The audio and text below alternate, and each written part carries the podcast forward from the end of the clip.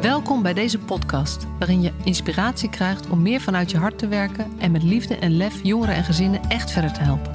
Voel je waarde, voel de passie voor je vak, voel je professional vanuit je hart.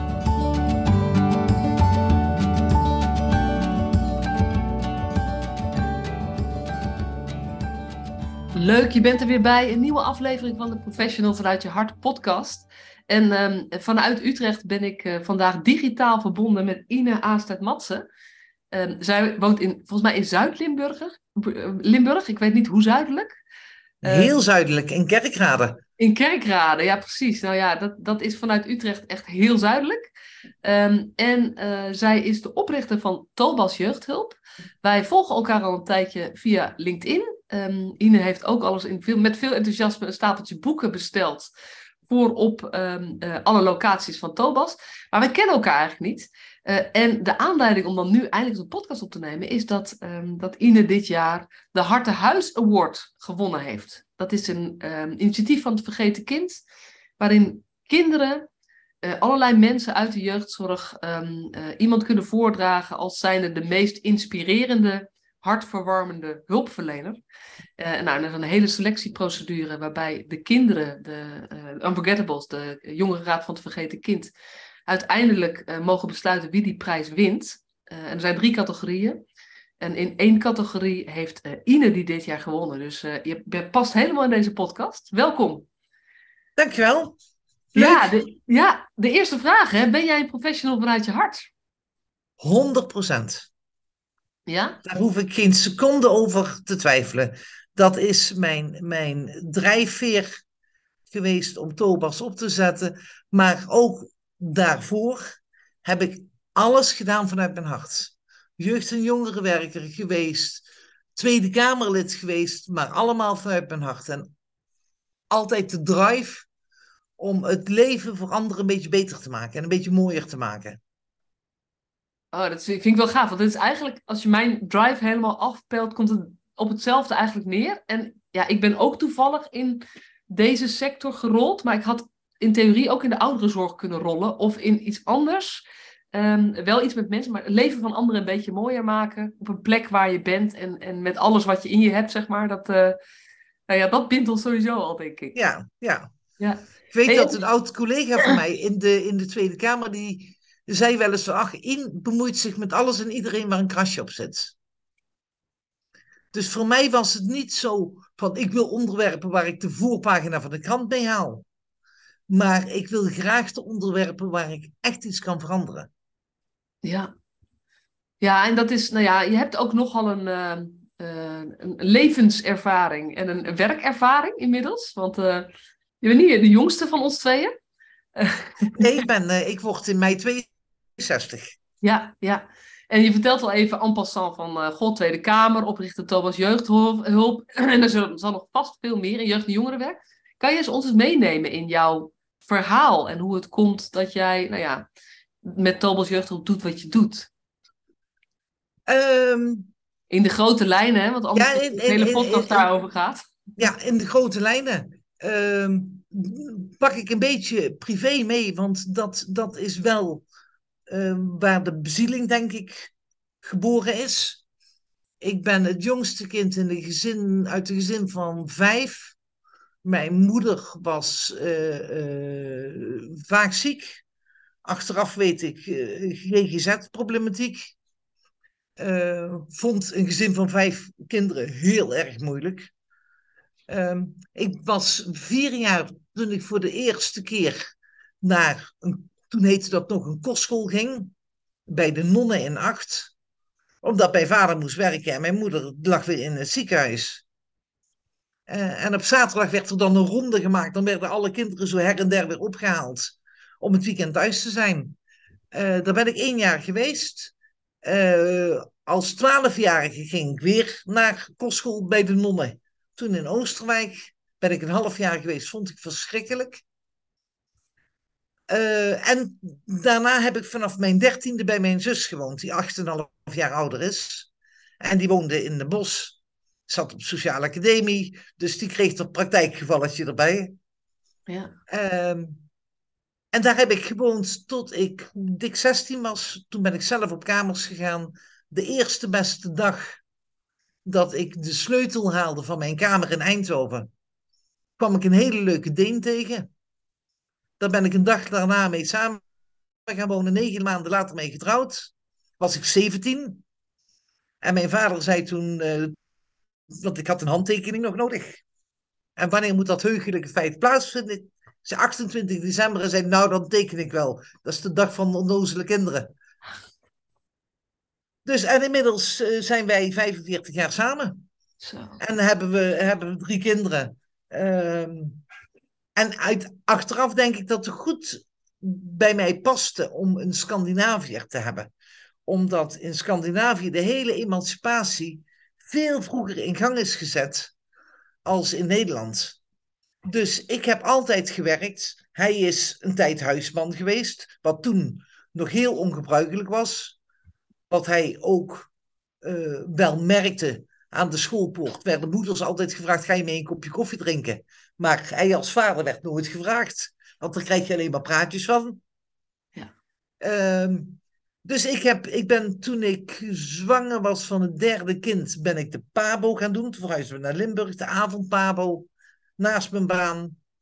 Ehm, in Want die periode... daarvoor werkte je niet, je bent niet meteen gestart in een... Nou, jawel, oh jawel, ik heb er ooit in de verpleging gezeten en ik ben systeembeheerder geweest. En uh, ik heb op de landengroep van Philips gezeten. Ik deed van alles.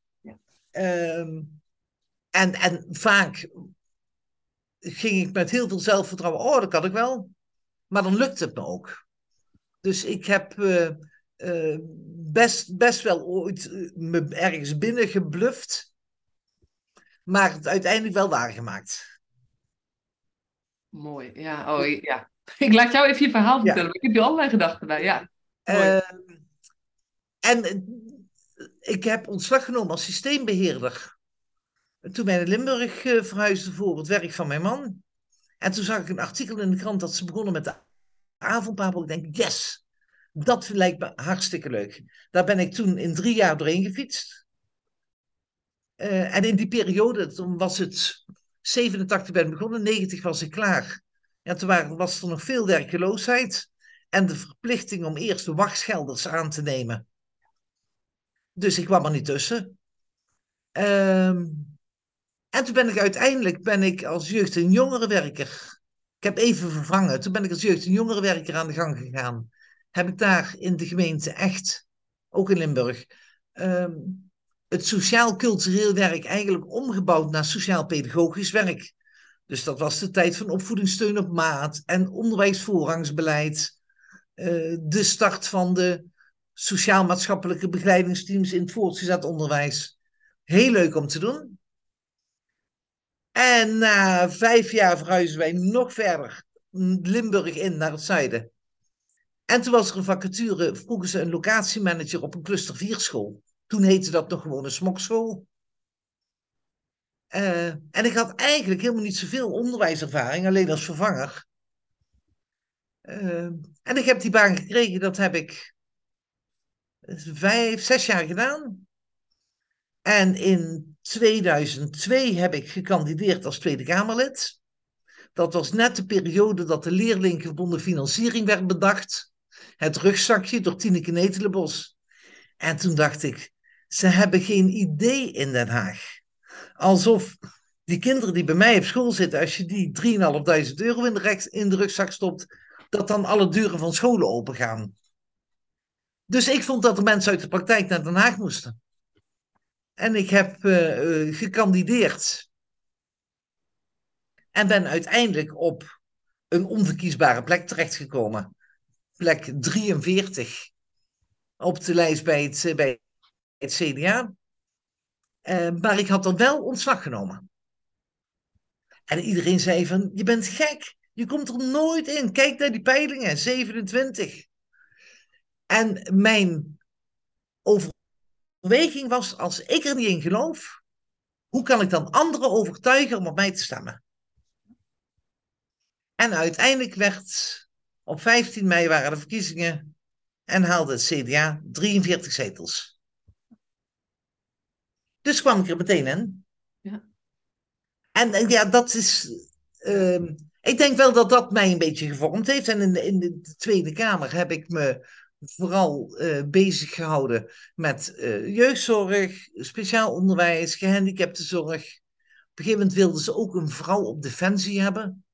En toen had ik zoiets van, ik heb niks met onderzeeboten en met straaljagers. Maar ik heb wel iets met mensen. Ben ik ehm woordvoerder personeel en veteranen defensie geweest. En ik heb daarvan genoten.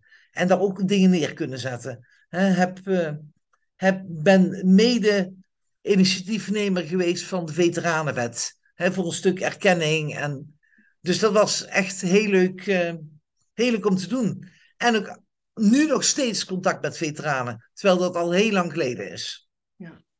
Toen kwam ik uit de Tweede Kamer en toen heb ik gezegd, ik ga nooit meer voor een baas werken.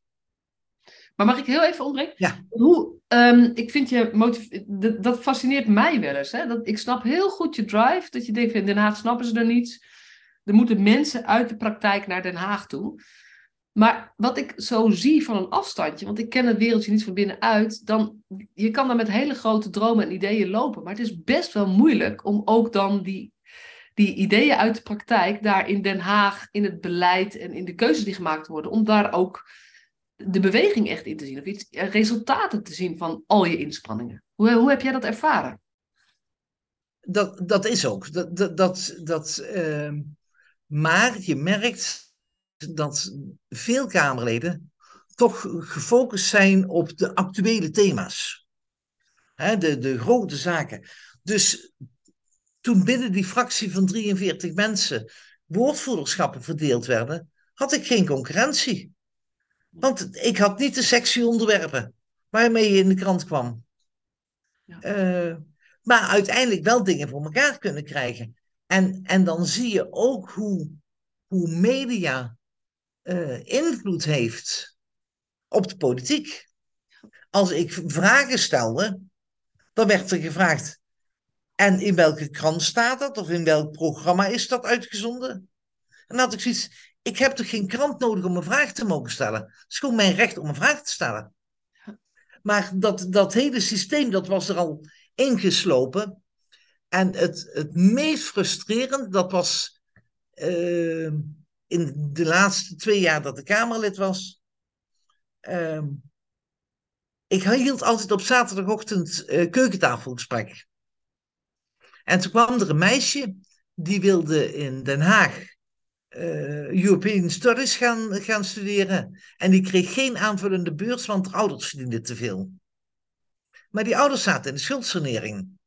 En toen dacht ik van, het kan toch niet zo zijn dat het kind de dupe wordt van schuldenproblematiek van ouders. En ik vond haar exemplarisch, waarschijnlijk voor duizenden anderen. Toen heb ik daar uh, kamervragen over gesteld. Maar het was bijna zomerreces. En tijdens de barbecue met Ronald Plasterk kunnen regelen dat alle kinderen waarvan de ouders in de schuldsanering zat, zaten, dat die aanvullende beurs zouden krijgen, maximaal. Daar gaat vanuit voorlichting een persbericht naar ANP en er is niets mee gedaan. En dan denk ik, dit is zo belangrijk voor zoveel studenten. En het ging er helemaal niet om dat dat mijn ding was. Maar ik denk, je gaat zo'n wezenlijke informatie wordt onthouden aan, aan uh, jonge mensen die daar, die daar gewoon recht op hebben. Ja. Dat vond ik heel frustrerend. Ja, ja en ik, ik moet dan ook even denken, en dan gaan we weer stoppen met dit, ja. dit thema, maar ik moet dan ook even denken aan uh, gisteren, gisteren was het volgens mij was de verdediging natuurlijk, en uh, of de, de prom promotie van Sharon Stellaert over boemerangbeleid in de jeugdzorg. ja. Dus hij heeft onderzocht eigenlijk precies de periode waarin jij ook betrokken bent geweest. Want ongeveer dezelfde tijd dat ik gestart ben, ik ben in 1992 gaan studeren, dus een beetje dezelfde, ietsje later. Maar... Ja. En dat eigenlijk in die hele periode waarin wij werken en studeren, dat er wel uh, allerlei intenties geweest zijn die omgezet zijn in prachtige tekst en taal, maar er wezenlijk eigenlijk niks veranderd is of zo. Dat, de, ja, dat, en dat is hierbij dan ook. Die zegt, ja, we hadden toen iets te pakken, dat, dat, dat is eigenlijk ja, het is helemaal niet groots, maar het is zo groots eh, om iets wat onrechtvaardig is recht te zetten. Ja, Ja. en dat strandt dan ergens. En je weet eigenlijk niet zo goed waar. Je kan wel uitpluizen waar, maar, maar, maar dit soort voorbeelden, dat, eh, nou ja, dat, dat hoor je ook in het verhaal van Sharon Stellard heel erg terug. Dat er best heel veel goede ideeën zijn geweest. Maar ja, door, de, ja, ja, door van alles en nog wat, ehm, eh, zie je daar toch weinig van terug in, het, in de praktijk. En blijft de praktijk een beetje nou ja, zoeken naar hoe krijgen we nou echt voor elkaar dat het beter wordt voor de kinderen, voor de gezinnen, voor de ouders met wie we werken. Ja, maar soms verandert er inhoudelijk ook helemaal niet zoveel. Maar een nieuwe minister, een nieuwe naam. Ja, Ehm, het heette opvoedingssteun op maat. En toen werd het het 3D-beleid. Zo dicht mogelijk bij huis, zo kort mogelijk qua duur. Ehm, het zo-zo-zo En- beleid, ja. Het zo-zo-zo-beleid Zo was... kort mogelijk, zo licht mogelijk en zo dicht mogelijk bij huis. Ja, ja. Eh, en dat zie je nu weer. Hè? Dat Ja. is nu ook weer Ja. het, eh, het beleid. Dus inhoudelijk verandert er helemaal niet zoveel. Nee. Eh, maar het krijgt iedere keer een andere naam. Precies, nou ja. En dit was, dit was het stukje waar we even... dit- weet je, dat Ja. is wel met jou betrokken bij de Tweede Kamer. Denk ik, ja, dat fascineert mij wel. Ik heb ooit gedacht, ik wil beleidsmedewerker worden ergens. Maar ik denk dat ik er dus niet tegen zou kunnen. Dat, dat juist als je ergens doorheen kijkt en ziet, ja, maar, maar we moeten dit... Hier moeten we echt inhoudelijk iets veranderen. Dat je mogelijkheden zo... Je invloed is zo beperkt. Dat lijkt mij best wel moeilijk. Ehm, en nou ja, zoals ik jou inschat, je, houdt ook wel van gewoon de dingen waar je voor staat, om die ook te kunnen uitvoeren. Dus het lijkt me... Ik ben, ik ben, wel, ik ben wel echt een, een, een vechter. Ja, Ik kan me herinneren, er is een motie aan Stapatse geweest. En dat was om het leerlinggebonden budget ook in te kunnen zetten op het ROC. In het MBO. Ja. En eh, de staatssecretaris, oh, Annette, Annette, ik weet niet meer hoe ze met haar achternaam heette. Nijssen. Ehm, die vond dat maar helemaal niks. Maar ik had een unanieme kamermeerderheid, maar zij weigerde dat uit te voeren. Toen is er een akkefietje geweest met de minister en is ze afgetreden. Het volgende overleg wat we hadden was met Mark Rutte. Die werd toen staatssecretaris onderwijs. Er was nog steeds die grote meerderheid. En ik heb toen tegen Mark Rutte gezegd: Uw voorganger wilde ook de motie niet uitvoeren. Dat was tevens haar laatste debat. En toen zei Rutte: Ik weet wat bij te doen staat. Ja, ja, ja, precies. Dat is ook... eh, en wat dat betreft heb je ook, nou ja, best veel lef, zullen we maar zeggen, om het op het Ja. scherpst van de snede te, spelen. Ja, precies. Ja. Ja. En als dat, als dat nodig is voor de goede zaak, dan doe ik dat. Ja, ja, mooi, mooi. Nou, dat... En toen ben je, eh, nou ja, Ja. toen was, het afge, zeg maar, de periode was afgelopen. Toen ben je niet eh, doorgegaan in de Tweede Kamer. Nee. En wat is er daarna gebeurd? Eh, toen ben ik ehm, me- mediator geworden. Ik heb eh, bij Schouten en de opleiding conflictmanagement gedaan. Eh, ik heb heel veel gemediate voor de, voor de rechtbank. Eh, vechtscheidingen, ehm, ruzie over omgangsregelingen, ouders die ehm, soms zelfs oud-leerlingen waren van de smokschool. Dus de rechter wist ook wel een beetje wat ik, ehm, welke mensen goed bij mij pasten. En ehm, daarna ben ik eh, gevraagd om projectleider te worden voor een organisatie die jongeren met afstand tot de arbeidsmarkt aan het werk hielpen. Daar ben ik in 2012 mee begonnen. Inmiddels is dat bedrijf failliet en ben ik zelf doorgegaan, dus dat doe ik nog steeds. In het kader van Social Return on Investment. En in 2015 werd ik door de gemeente gevraagd om twee meisjes op te vangen. Die bij de eh, organisatie waar zij woonden niet meer mochten blijven. En die, ehm, men had gehoord dat wij al een aantal jongeren in huis hadden gehad, zes stuks. Die allemaal op hun achttiende verjaardag op straat kwamen staan. Allemaal voor afkomstig uit de jeugdzorg. Die hebben wij belangeloos een maand of negen tot een jaar in huis gehad. En eh, op een goede manier uit laten stromen, naar een eigen woonplekje, netjes ingericht. Toen heb ik gezegd, want het was 2015, gemeente is nu verantwoordelijk, ik wil dat doen. Maar ik wil me niet schuldig maken wat ik anderen verwijt, dat ze jongeren op de 18e verjaardag gewoon loslaten. Dus dan wil ik ook dat jullie mij gaan ondersteunen, dat ik ook jeugdzorgorganisatie kan worden. En dat we ook een uh, perspectief kunnen bieden aan deze meiden die nu 16 zijn. En toen heb ik er 12 in huis gehad, iedere keer vier tegelijk. Na een jaar hebben we de eerste locatie geopend. Dat was eind 2016 toen ben je op dat moment ook jeugdhulpaanbieder geworden, zeg maar. En dat, heette toen al, dat was de start van Tobas. Dat was de start van Tobas. Ja, ja. Oké.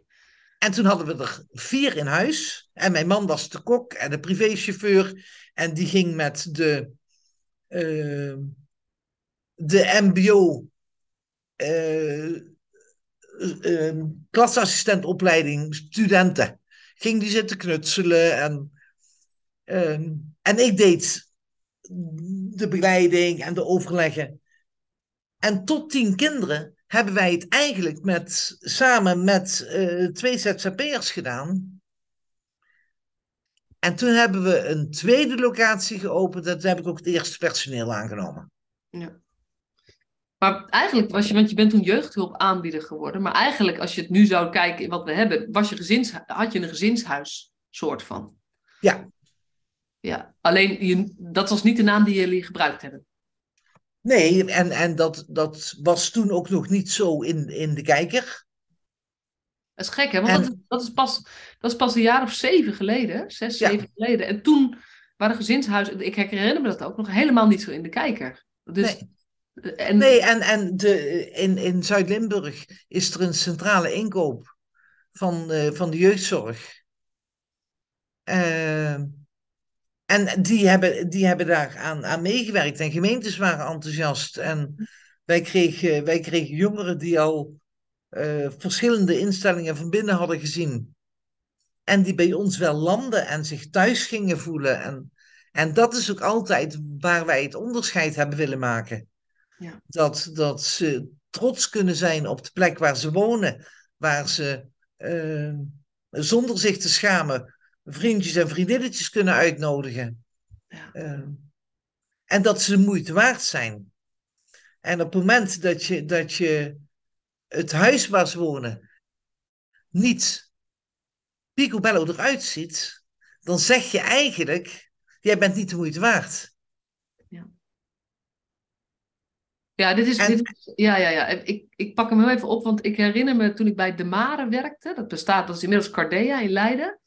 En dat moet ergens rond het jaar 1998, 99, 2000 geweest zijn. Toen werkte ik daar als, op, op residentie en als uh, uh, groepsleiding. Pedagogisch medewerker heet dat tegenwoordig. Ja. Daar hebben we, um, dat, dat, dat kan me zo goed herinneren. Toen is er een project geweest met hoe zal ik u ontvangen of zoiets heette dat. En toen is van alle locaties zijn foto's gemaakt als buitenstaander van de entree. Hoe kom je binnen? En, nou ja, en dan als je die foto's bekijkt en ze zet naast, je zou dat doen bij, bij jou en mij thuis, zeg maar. Want dat is eigenlijk, eigenlijk de vergelijking. Hè? Dat is de plek waar de kinderen ook gewoon wonen. Uh, en, je vergelijkt, mhm. en, en, dat het zo schrikbarend is en het dan ook dus laat zien. Want er waren ook foto's van de trappenhuizen en zo. Die, dus er stond geen mens op de foto, maar allemaal de, hoe ziet de locatie eruit?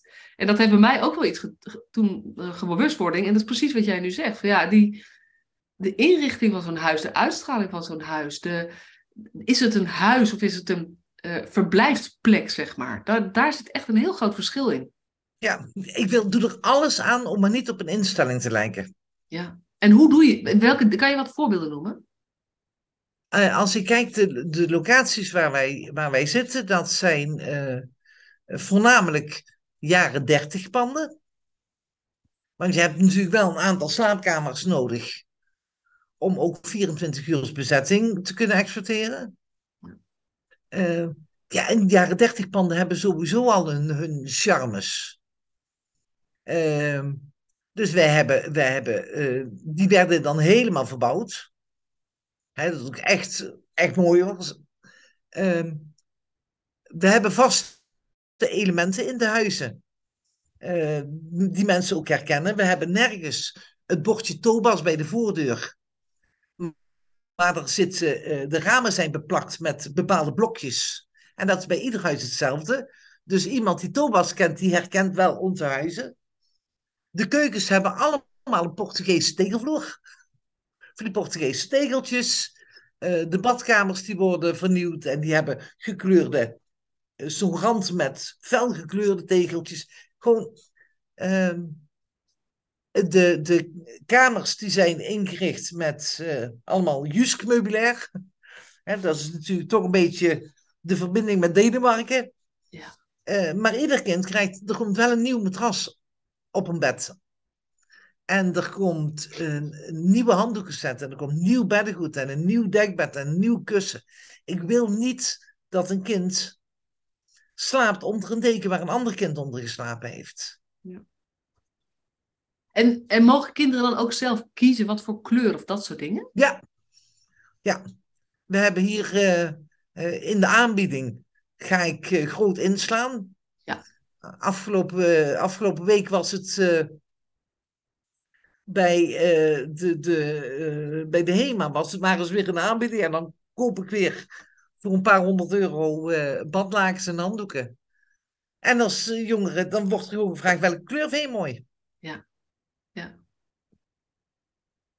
En die, en die krijgen ze. En, dat, uh, en als ze weggaan, nemen ze dat ook mee. Dus beddengoed gaat ook mee.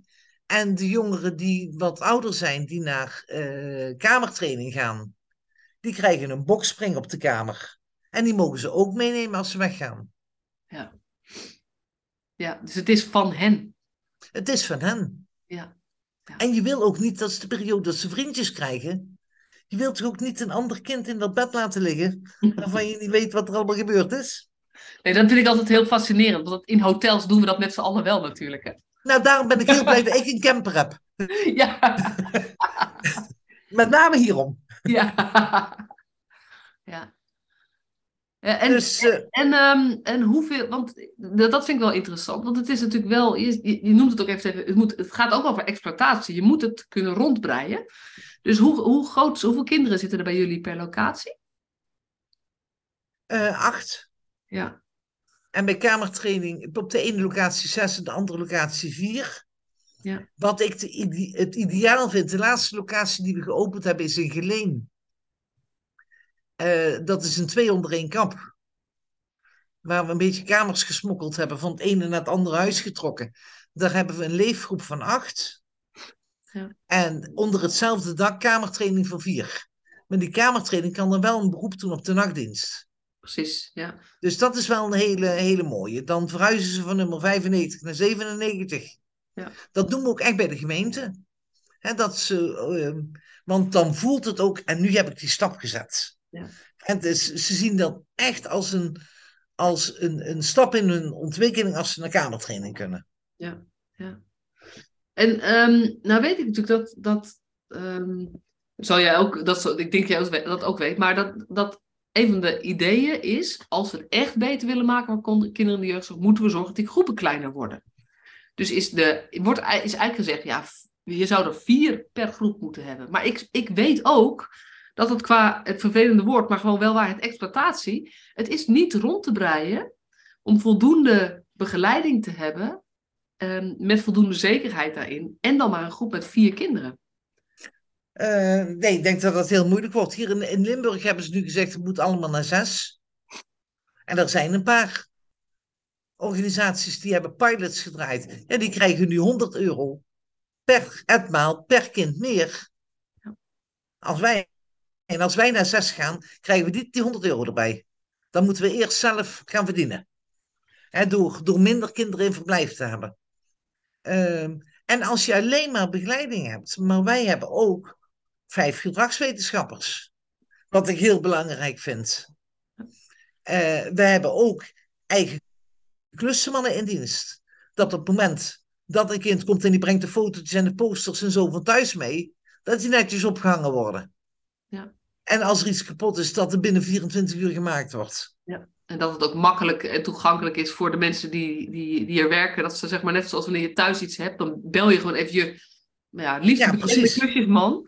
En die komt dan even en die regelt dat even. En dat kan wel Ja. op zo'n manier, maar niet als Ja. je dat allemaal extern moet organiseren. En we hebben nu, eh, eh, we hadden één grote locatie waar 14 jongeren woonden. Die hebben we nu eh, opgesplitst, omdat dat niet meer mag. En, maar de jongeren die daar woonden, die waren vanaf een jaar of 15, 16.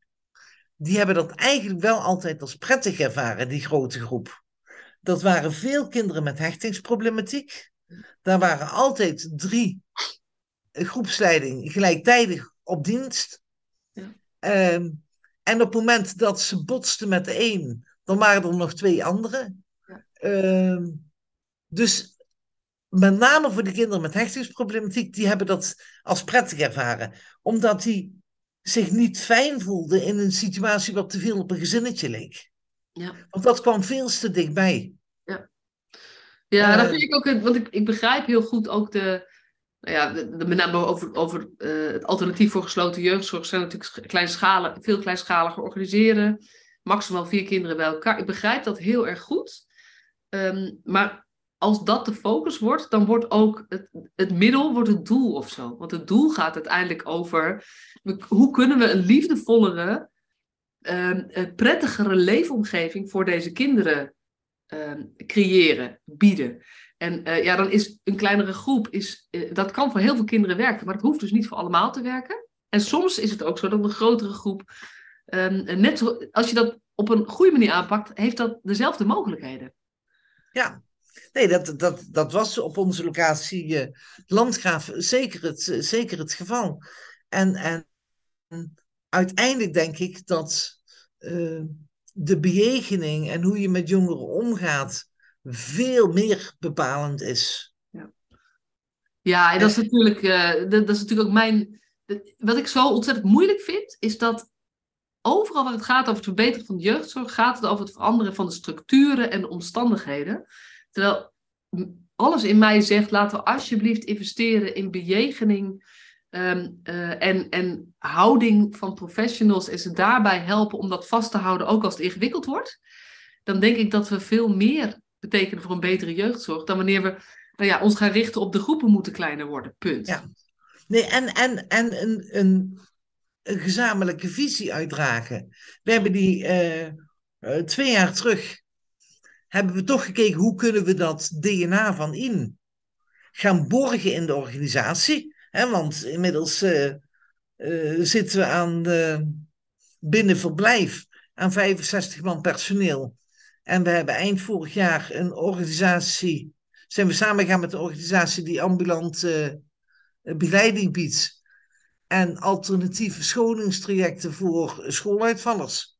Dus we hebben nu in totaal 130 man eh, personeel. En als je dan wel die gezamenlijke visie en missie uit wil dragen, moet je dat op papier zetten. Dus wij hebben, wij hebben de hoopvolle toekomst omschreven. Waar we heel duidelijk aangeven, dit zijn wij, dit is wat wij willen. En dan gaat het erom, samen vanuit het hart en betrokken vanuit de relatie. En het gaat om de jongeren en die willen we laten groeien, zodat hij uiteindelijk vrij is om eigen keuzes te maken in het leven. Ja, ja heel mooi. En, en een van de dingen, en dat daar, daar haakt je al een klein beetje eh, op net met toen je startte met eh Thomas, is dat, dat jij eigenlijk vanaf het begin gezegd hebt, alles wat ik doe gaat over die hoopvolle toekomst. En die 18 jaars knip die er zit in het systeem, daar doe ik niet aan mee. Nee. Ik kan je, eens- kan je eens vertellen hoe je dat dan doet? Hoe, en, en niet zozeer, wat, want in het werken met jongeren is dat logisch, maar hoe regel je dat? Ehm, wij zijn een hele platte organisatie. En het geld wat wij krijgen, dat gaat, gaat vooral naar, eh, naar salarissen en naar de jongeren. Dus als een jongere eh 18 wordt, tillen wij hem altijd over die 18e verjaardag. Want een kind wat eh, op 2 januari 18 wordt, heeft recht op studiefinanciering vanaf 1 april. Ja. Dus als je dan gaat, eh, gaat wachten, of ze op 2 januari op straat zet, dan weet je dat ze 1 april in de schulden zitten. En waarschijnlijk in de maatschappelijke opvang. Ja. Dus dat, dat wil je ook niet. Dus wij tillen ze over die verjaardag. We laten ze uitstromen als ze er klaar voor zijn. Uh, en krijg je de beschikkingen daarvoor? Uh, bij de meeste gemeenten wel. Er is één gemeente die dat weigert. En dan zoeken we ook weer een oplossing. Dus bij die gemeente ben ik nu ook gecontracteerd voor beschermd wonen. Ja. Dan komt het maar uit een ander potje. Ja, precies. Maar doe ik wel hetzelfde. Ja. Uh, en en we, ik heb, we hebben goede relaties met, met woningcoöperaties. Dus tot nu toe uh, zijn er meer dan 70 kinderen uitgestroomd naar een eigen studio of een eigen appartementje. Uh, we zorgen dat ze schuldenvrij kunnen starten. Ja. Dat zij pas de eerste huur hoeven te betalen als de huurtoeslag ook binnen is. Ja. Dat ze netjes ingericht zijn. Onze klussenmannen, die leggen het laminaat. En dat betekent niet dat het allemaal nieuw is. Maar ze zitten er allemaal netjes bij. Uh, en dan, dan zie je dat meer dan 80% heeft daarna ook geen hulp meer nodig. Niet vanuit de WMO, helemaal niet. Want het leven is gewoon op orde. Die Big Five is op orde. Ja. Ja. En um, ja, wat voor mij altijd een heel belangrijk thema ook is, en daar hebben wij het eigenlijk nog niet eerder over gehad, is, is uh, hoe werk je samen met de, de families en het eigen netwerk van deze kinderen? Heel, heel, heel belangrijk. Wij, wij zeggen altijd bij een intake, en, want dan is de spanning hoog op het moment dat ze op intake komen.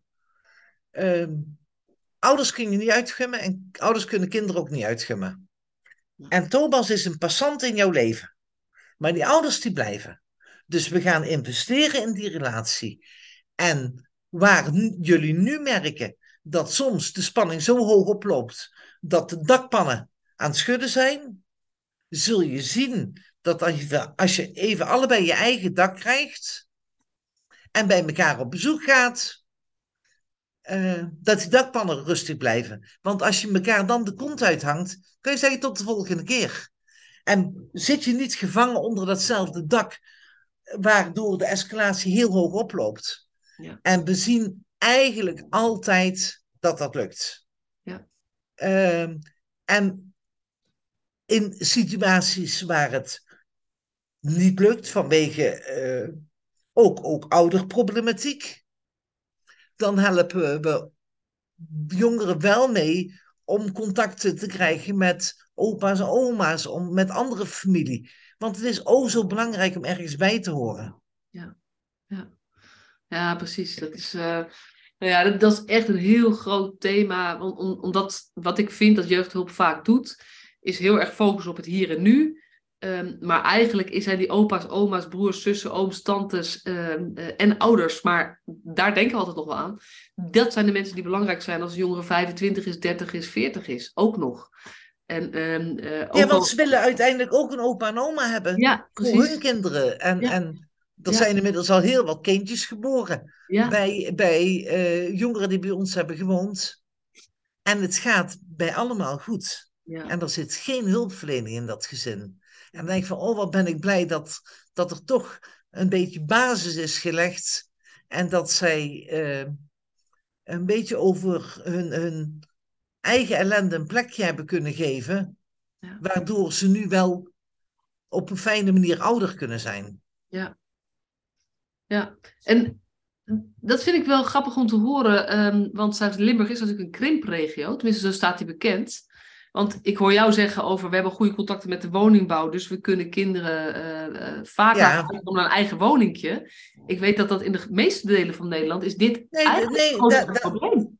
Daar, ben ik, daar zijn wij ook bevoorrecht. Ja, ja, dus dat maakt het anders. Want mijn verhaal is heel, heel vaak, um, we zullen moeten investeren in dat die kinderen weer een plekje vinden in hun eigen netwerk.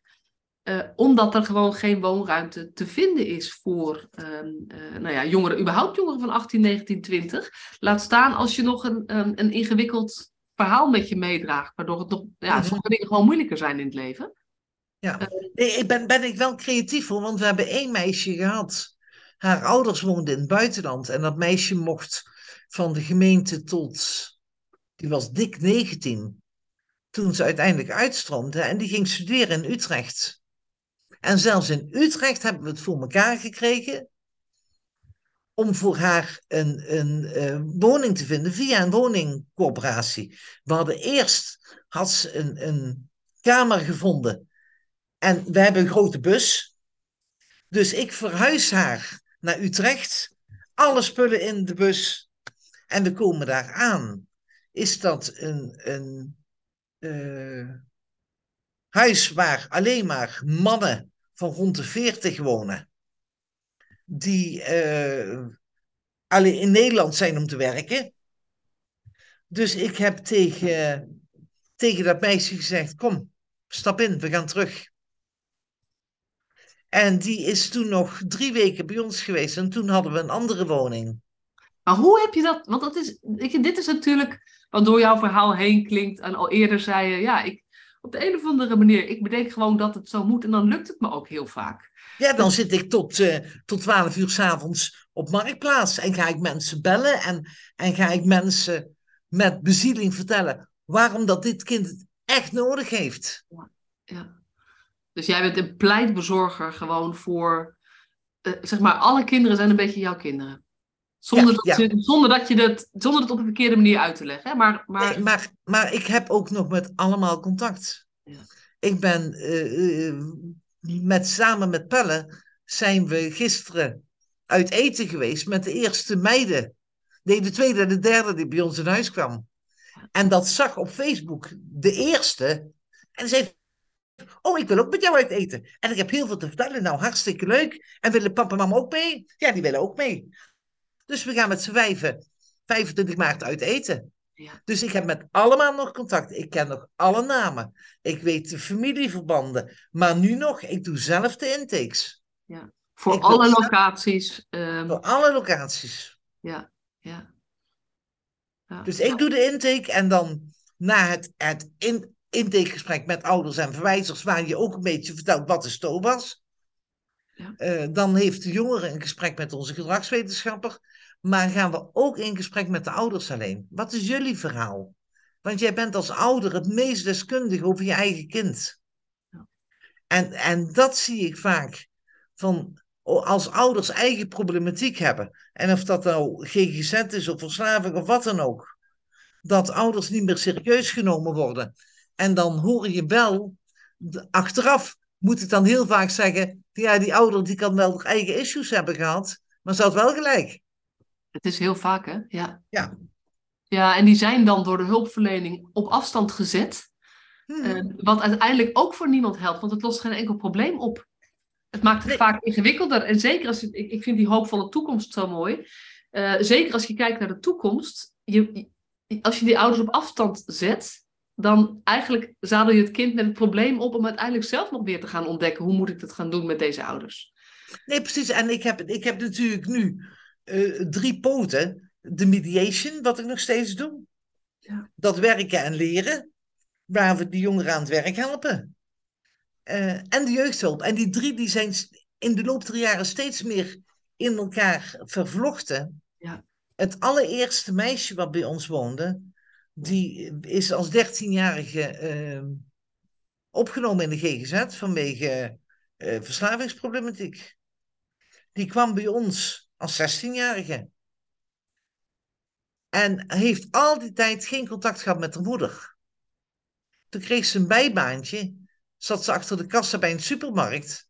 En die moeder kwam in die winkel. Kind wist zich geen houding te geven, wist helemaal niet hoe ze daarmee om moest gaan. Nee. Dus ik heb contact opgenomen met moeder.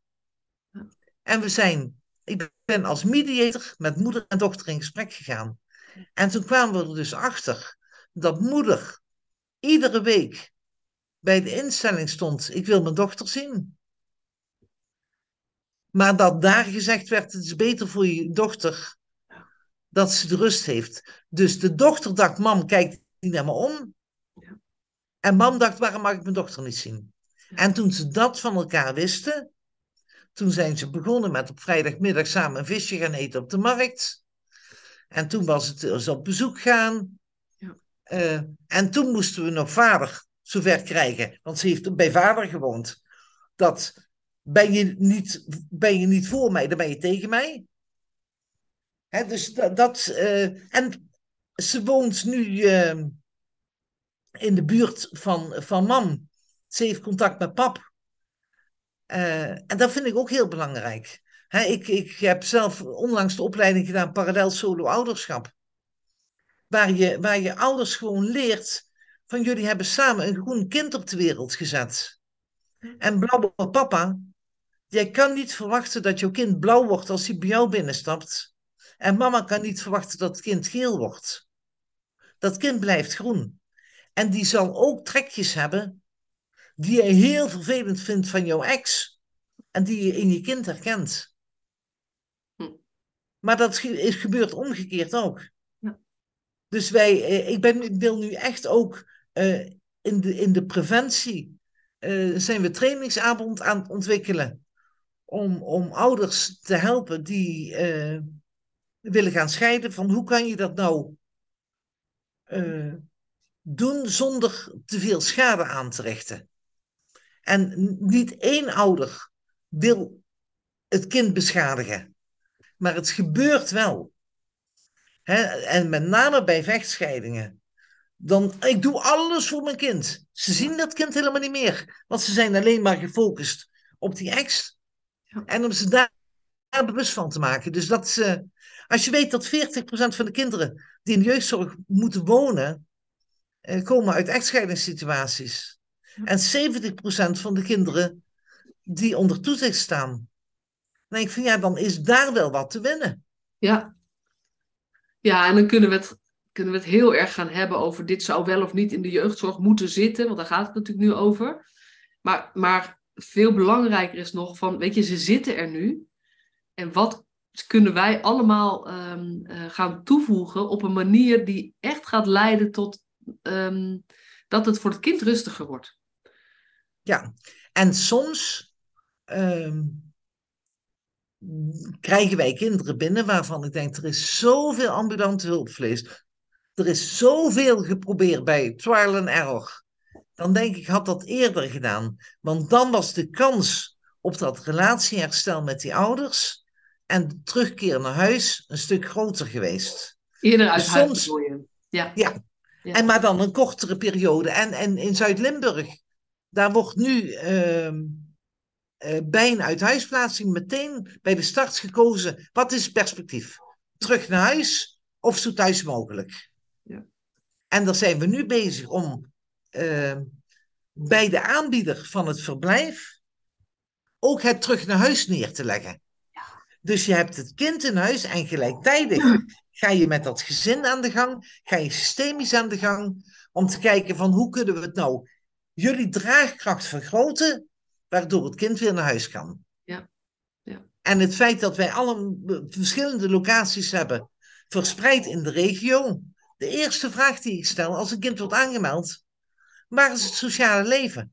Waar wonen papa en man? Waar zit het kind op school? Want dan is dat de locatie. Ja. Ik vind het zo triest dat als een kind, het is al erg als je uit huis moet. En als je dan ook nog eens een keer van school moet veranderen en je vriendjes kwijtraakt.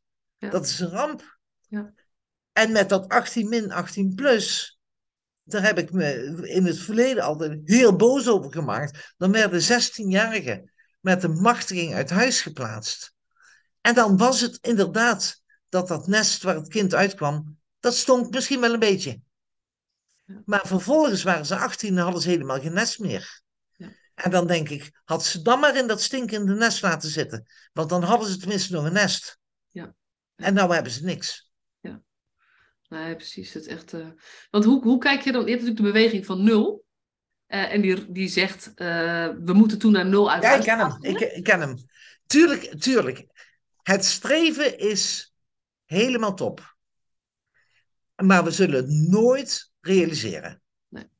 Wij hebben, wij hebben ik denk van de, vijf, de afgelopen jaren hebben we zeker al tien kinderen gehad waar de ouder, de verzorgende ouder gewoon is overleden. Ja. ja. Uh, en, wat, wat, en als er dan geen mogelijkheden zijn, hè, en pap heeft een nieuwe partner, of het kind heeft de vader nog nooit gezien, ja. en krijgt op sterfbed van moeder te horen, je hebt ergens een Rotterdamse vader, ga daar maar wonen. Ja, dat kan niet. Nee, precies. Dus ik vind het ook wel zo kijk ik er zelf ook tegenaan. Hoor. Van, van ehm, het streven is heel goed. En het, ehm, tegelijkertijd weten we dat het niet altijd kan. Maar dat het niet altijd kan, wordt tegelijkertijd soms een reden om niet meer echt je best te doen voor dat streven. Dus je moet eigenlijk wel zeggen, we streven ernaar dat alle kinderen thuis opgroeien. Ja. Terwijl als je, als je te veel nadenkt, ja, maar dat kan niet altijd, ja, dan wordt het ook wel makkelijk om het los te laten als wij het ingewikkeld vinden. Dus ja. ik denk, het streven is echt... Ehm, nee, ben ik, het, ben, ik het, ben ik het helemaal mee eens. En ik zeg ook altijd in een intake, het beste thuis is thuis bij ouders en alles koekenij. Dat is het beste. En als dat voor korte of voor langere periode niet kan, dan proberen wij het op één na beste thuis te zijn. Ja. Ja. Wij zullen nooit het beste thuis zijn. Nee. nee. mooi. En, en daarmee, daarmee voelen ouders zich ook niet aan de kant gezet. Nee. Wij zeggen ook, wij nemen het niet over, want we hebben jullie keihard nodig. Ja, ja ja, precies. En, en um, nou ja, weet je, het, het, bredere netwerk van opa's, oma's, je broertjes en zusjes. Ja, dat zeker. Ook vaak de, het grote verlies van kinderen die niet meer thuis kunnen wonen, is dat ze los van dat ze niet meer thuis kunnen wonen, ook het contact met hun broertjes, zusjes verliezen. Ja, wij hebben, wij hebben nu een, een um, manneke in zorg. Um, waar, waar drie broertjes en zusjes in een VG-instelling wonen. Die komen iedere woensdagmiddag bij ons op bezoek. Ja. ja. En zijn, zijn zus, die kwam uit Friesland naar Limburg. En die zat bij ons op intake. En toen was ze 16. Zei ze, ik heb eigenlijk nog nooit echt in een gezin gewoond. Ik zou zo graag in een gezin willen wonen. En dan gaan bij mij alle radertjes. Dus ik bel een pleegmoeder die ik goed ken zei, nou, dit is het verhaal. Toen is ze twee weekenden vanuit Friesland daar gaan logeren. Kijken of dat er een klik is. En dat meisje zit in het pleeggezin. Is helemaal happy. Ja, ja en dat is gewoon... Uh, dat is ook jouw kracht in, zeg maar, het, je hele grote netwerk. Ja. Uh, en, nou ja, ik, ik zal niet zeggen nergens bang voor... maar, maar wel gewoon zo, zo staan voor waar je zelf in gelooft... dat ook het, zeg maar, je, je eigen belang zou kunnen zijn. Ja, maar goed, wij hebben wel, deze plek is nu open, die moeten we gevuld krijgen. Da, dat, is geen, dat, is, dat, dat speelt niet. Nee, nee. Dat speelt niet. En daarmee uh, maak je het ook mogelijk dat, dat je echt op maat kijkt van wat is voor dit kind um, in deze situatie op dit moment nu het allerbeste wat we kunnen doen. En welke bocht moet ik nemen, maar ik ga zorgen dat het gebeurt. Dat is een soort van we, we, door je verhaal heen. Ja, nee, we hebben 18-jarigen gehad in die gemeente die echt met 18 stopt. Die hebben nog twee maanden bij ons gewoond zonder dat we er een cent voor gekregen hebben. Ja, ja. Maar ik zet ze niet op straat. Dat, dat, daar kan ik niet over mijn hart verkrijgen. Nee. Dus daar, daar, daar zal ik voor, voor blijven knokken. En ik vind het zo super fijn, daar ben ik ook wel trots op, dat de mensen die bij ons werken, die hebben dat enthousiasme en die drive gewoon overgenomen. En we geven ook aan aan, aan medewerkers.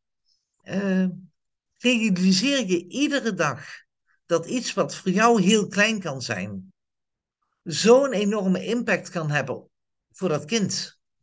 Ja. En het gaat om dat kind. Niet om of dat jij aardig gevonden wordt of wat dan ook. En dan met name in, in, bij de kinderen met hechtingsproblematiek. Jij bent een professional, dus verwacht geen wederkerigheid. Sta er als ze je nodig heeft, al hoor je daarna. Ik heb een manneke, dat, dat, dat manneke wat al heel veel instellingen had gehad, die als 16-jarige kwam, die is nu 24. Soms belt hij vijf keer in de week en dan hoor ik een half jaar niks. Maar hij is heel functioneel in zijn, in zijn contactname. Ja. En ik verwacht niks. Dus belt hij is het goed. Belt hij niet is het ook goed. Nee, dat is, uh, is natuurlijk ook. Wat, als, als je over professional vanuit je hart hebt, dan heb je dat plaatje met de twee poppetjes en twee muurtjes. Dat staat in mijn boek. En waar, dat ik dan ook altijd um, heel veel nadruk op leg. Ja, weet je, en het is dus onze professionele opdracht om te blijven uitreiken op een manier die past bij de ander. Um, en ja, wat die ander doet, is eigenlijk bijna irrelevant voor wat van jou professioneel wordt gevraagd. Je wordt ervoor betaald om te blijven zoeken bij jezelf naar de mogelijkheden om uit te reiken naar de ander. Los van het gedrag wat de ander laat zien. En natuurlijk zit daar op een gegeven moment een grens aan met wat je kunt verdragen. Maar dan gaat het over dat jij, dat het te moeilijk is voor jou. En niet over dat die ander te, nou ja, noem maar allerlei woorden, te agressief, te dit, te dat is. Maar dan gaat het over hoe kan je beter voor jezelf zorgen. Want dit is gewoon heel lastig om mee om te gaan. Hoe kunnen we jou helpen, professional, om te blijven uitreiken?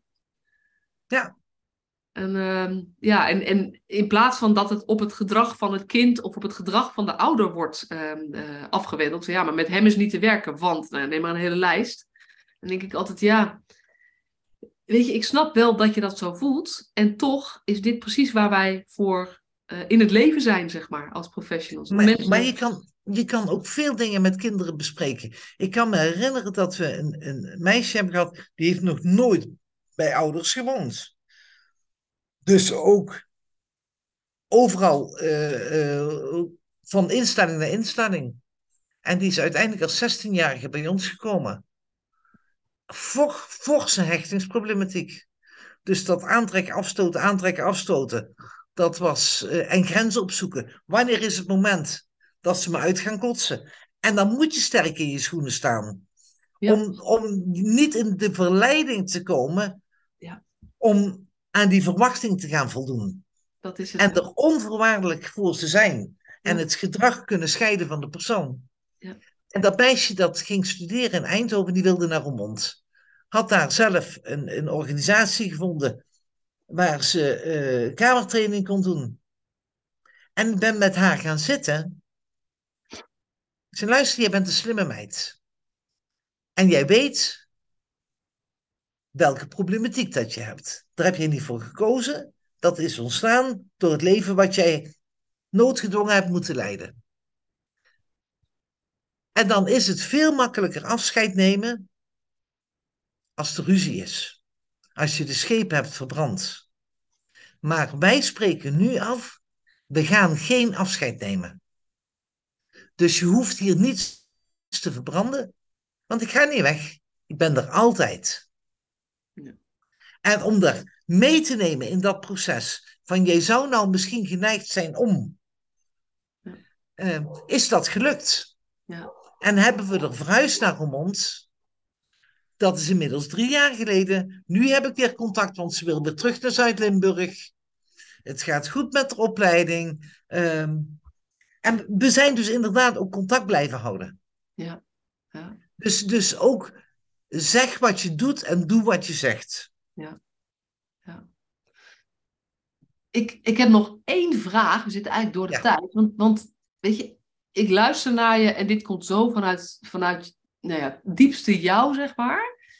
Hoe, wat doe je om de medewerkers, de mensen die ook bij Tolbas werken, mee te nemen in deze manier van denken, handelen, voelen, voor jezelf zorgen, opstaan voor de jongeren, maar niet zeg maar, jezelf kwijtraken?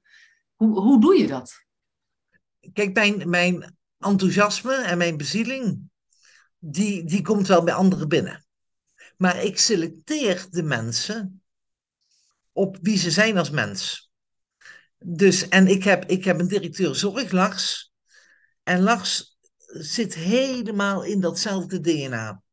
Dus wij zitten zo op één lijn. En mijn jongste zoon, is directeur bedrijfsvoering. En die heeft al die pleegkinderen meegemaakt in huis. Al die...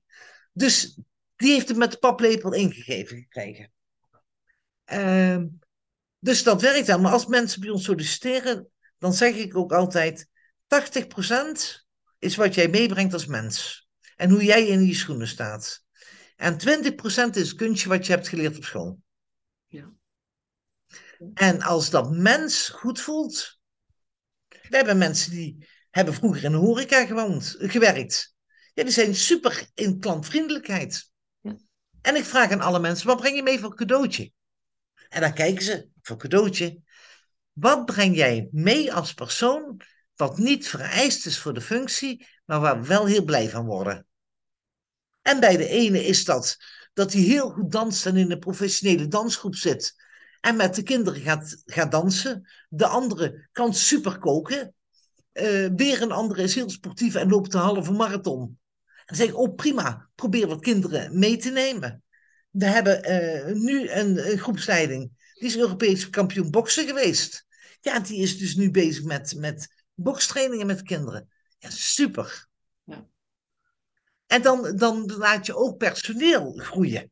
Dan zorg je ook dat voor hen weer die hoopvolle toekomst. Want dat is niet alleen voor de jongeren, dat is ook voor de medewerkers. Ja, ja en ik denk dat dit de sleutel is. Hè? Dit, is dit gaat over parallele processen. Want als je graag wil dat de medewerkers op een bepaalde manier met jongeren werken, omgaan, ouder en ouders, niet alleen de jongeren, maar ook de ouders. Als je die echt plek wil geven, dan zul je ook uh, als leidinggevende, dus als, als directeur of, of, of oprichter, of welke rol je ook hebt, uh, of als manager, zal jij op die manier met, de, met je medewerkers om moeten gaan. Anders kan het niet. Nee. Anders kan het niet. Nee, ja. daarom. En ik, ik, ga, ik ga dadelijk, ik werk nu eh, denk ik 60 uur in de week. Ik wil dadelijk wel wat minder, uh, nee, wat vaker vakantie, vaker met camper weg. Uh, en, en ook gewoon de dagelijkse leiding, die komt dan echt in hele goede handen. Uh, en dan ben ik de oma. De oma die af en toe eens op locatie gaat eten en, en die komt knuffelen. Ik vraag ook altijd aan kinderen, dan staan ze een beetje zo te wiebelen. Ik zeg, wat is, wil je een knuffel? Ja, ik wil een knuffel. Nou, kom. En dan heb ik lak aan, protocollen en wat dan ook. Als bij mij een kind aangeeft, oma, ik wil een knuffel, dan krijgen ze een knuffel. Of ik wil een knuffel. Ja, ja. ja precies. Dat is ook uh, liefde en lef, staat natuurlijk in mijn ondertitel van mijn boek. Ik denk, ja, dit is, het, het, is heel erg dat je dit lef moet noemen, maar dit is wel kiezen voor waarvan jij denkt, ja, maar dit is gewoon goed voor de persoon, de mens die tegenover mij staat. Um, en ik ga geen protocol checken daarover. Maar, nee, precies. Maar als je, als je het maar kan uitleggen. In, in de periode dat ik directeur was op die smokschool, heb ik denk ik wel 25 keer gemeld bij de Raad voor Kinderbescherming. En altijd met handtekening van de moeder. Altijd eindigde die melding, deze moeder wil zo graag, maar het lukt er niet. Mede gezien de problematiek van het kind. En dan heb je een hele andere start. Dan, dan, dan is het ook geen gevecht. Ja, dus ik, ik, ik heb ook enorme waardering voor voogden die het voor elkaar krijgen om naast die ouder te gaan staan. En niet er tegenover. Ja. Ja. ja, ik geloof dat het de enige manier is waarop we mensen kunnen helpen om nou ja, de, de toekomst hoopvol te maken. Door naast te staan in plaats van tegenover of boven ze. Ja. Omdat, uh, wij, kunnen, wij kunnen niks oplossen. Het enige wat we kunnen doen is bijdragen aan dat mensen weer de een of andere manier zelf keuzes kunnen maken die goed zijn voor hunzelf en hun naasten. Mhm. Ja. En dan kunnen we een klein, beetje bij helpen, kunnen we bij sturen, kunnen we vooral bemoedigen, aanmoedigen, juichen. Uh, en af en toe eventjes uh, heel, heel eerlijk zijn. Maar wel dat je mens zijn, eerlijk zijn. En niet met het wijzende vingertje. Want ja, niemand vindt precies. dat uiteindelijk, uiteindelijk gaat het erom welke resultaten dat je neerzet. En ik weet nog toen ik orthopedagogiek studeerde. Uh, toen heb ik een keer een, een, een essay moeten schrijven over pedagogiek, wetenschap of willekeur. En toen ben ik afgesloten met de zin. Of dat het nou wetenschap is of willekeur, dat maakt eigenlijk niet uit. Als het maar werkt in de praktijk. Ja, ja prachtig. Volgens mij zou ik nog uren met je door kunnen praten. Maar uh, gezien de, de, beperkte tijd van deze podcast, lijkt me dit een hele mooie uh, afsluiter. Um, als het maar werkt in de praktijk. Ian moet even hoesten, dus uh, ja. ze is even stil. Ja. Hey, dankjewel. Is er iets Graag gedaan. wat je niet gezegd hebt, waarvan je denkt, ja, maar dat wil ik toch nog zeggen. Wil ik je wel de kans voor geven? Denk je, nee. Het is... Nee, ik denk dat we, dat we alles gezegd hebben. En ja, ik hoop ik hoop dat, dat deze podcast uh, mensen aan het denken zet. En zegt, oh, misschien kan ik ook nog een stapje zetten. Ja. Om het, die hoopvolle toekomst te creëren voor de kinderen waar zij de zorg voor dragen. Ja. En met kleine stapjes zie, kan je hele grote resultaten bereiken. Precies. Even dat, even dat schouderklopje. Even dat, dat ene meisje wat ik net benoemde. Uh, die naar Roermond was verhuisd, die wordt op een gegeven moment gescout voor die serie Brugklas. En die moest auditie gaan doen in Zaandam. En toen zei personeel, ja, nee, maar ik werk niet. Ik zei, interesseert me niet wie, maar dat kind gaat naar Zaandam. En we gaan mee. En ze heeft, ze heeft in die serie gespeeld. En we hebben daar geregeld dat ze in de weekenden mocht slapen bij een andere meisje wat in die kast zat. Dat soort dingen, ja, dat vergeet ze nooit. En een ander meisje die koopt impulsief een kaartje van Coldplay, was ze helemaal weg van. Die woonde bij ons in huis. Dus ik kom met mijn visa-kaart, want het moest online betaald worden. Achteraf komen we erachter dat dat in München was. Pap wilde niet mee. Ik denk, oh god, hier heeft ze zich zo op verheugd. Dit moet doorgaan. En toen openden wij net de locatie in Brunsum, had ik het eerste personeel aangenomen. En toen zei ik tegen die meiden, uh, zeg, goh, is er een van jullie die van Coldplay houdt? Ja, ik, zei Merte. Zei, nou, mag je mijn auto meenemen? Ik boek een hotel voor jullie. Ga jij lekker met Kim naar Coldplay? Nou, daar heeft ze het nu nog over. Dat soort dingetjes. Een beetje out of the box denken. Dankjewel voor uh, je inspirerende woorden. Graag gedaan.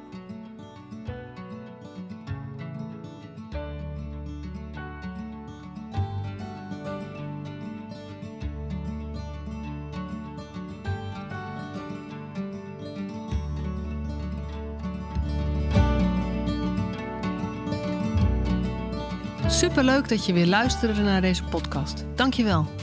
Nog even kort een paar belangrijke dingen. Ten eerste, het is mijn missie dat de jeugdhulp weer een sector wordt waarin bevlogen, liefdevolle professionals jongeren en gezinnen echt verder helpen. Daarom maak ik deze podcast voor jou. Wil jij deel uitmaken van deze beweging van Professional vanuit je hart, waarin professionals elkaar steeds opnieuw inspireren? Begin dan met het lezen van mijn boek. Je kunt de eerste hoofdstukken helemaal gratis lezen. Ga naar professionalvanuitjehart.nl/slash boek. Ten tweede, wil je alle podcastafleveringen overzichtelijk onder elkaar? Abonneer je dan op deze podcast. Klik in je podcast-app op de button subscribe of abonneren. En elke keer als er een nieuwe podcastaflevering gepubliceerd wordt, ontvang je automatisch een berichtje. Ten derde, ondersteun je mijn missie? Geef me dan een review via je podcast-app, bijvoorbeeld iTunes of Spotify. Op die manier kan ik nog meer professionals bereiken. En ken je een collega voor wie deze podcast ook interessant is? Dan zou het super zijn als je hem of haar de podcastaflevering doorstuurt. Bijvoorbeeld door de link te kopiëren via Spotify. Ik vind het altijd heel leuk om berichtjes te ontvangen van luisteraars om te horen wat je van een podcast vindt, of als je misschien vragen of suggesties hebt. Of als een aflevering je een bepaald inzicht heeft gegeven of er iets in beweging is gekomen. Stuur me dan even een berichtje op masha.professionalvanuitjehart.nl via de website of stuur me een connectieverzoek op LinkedIn.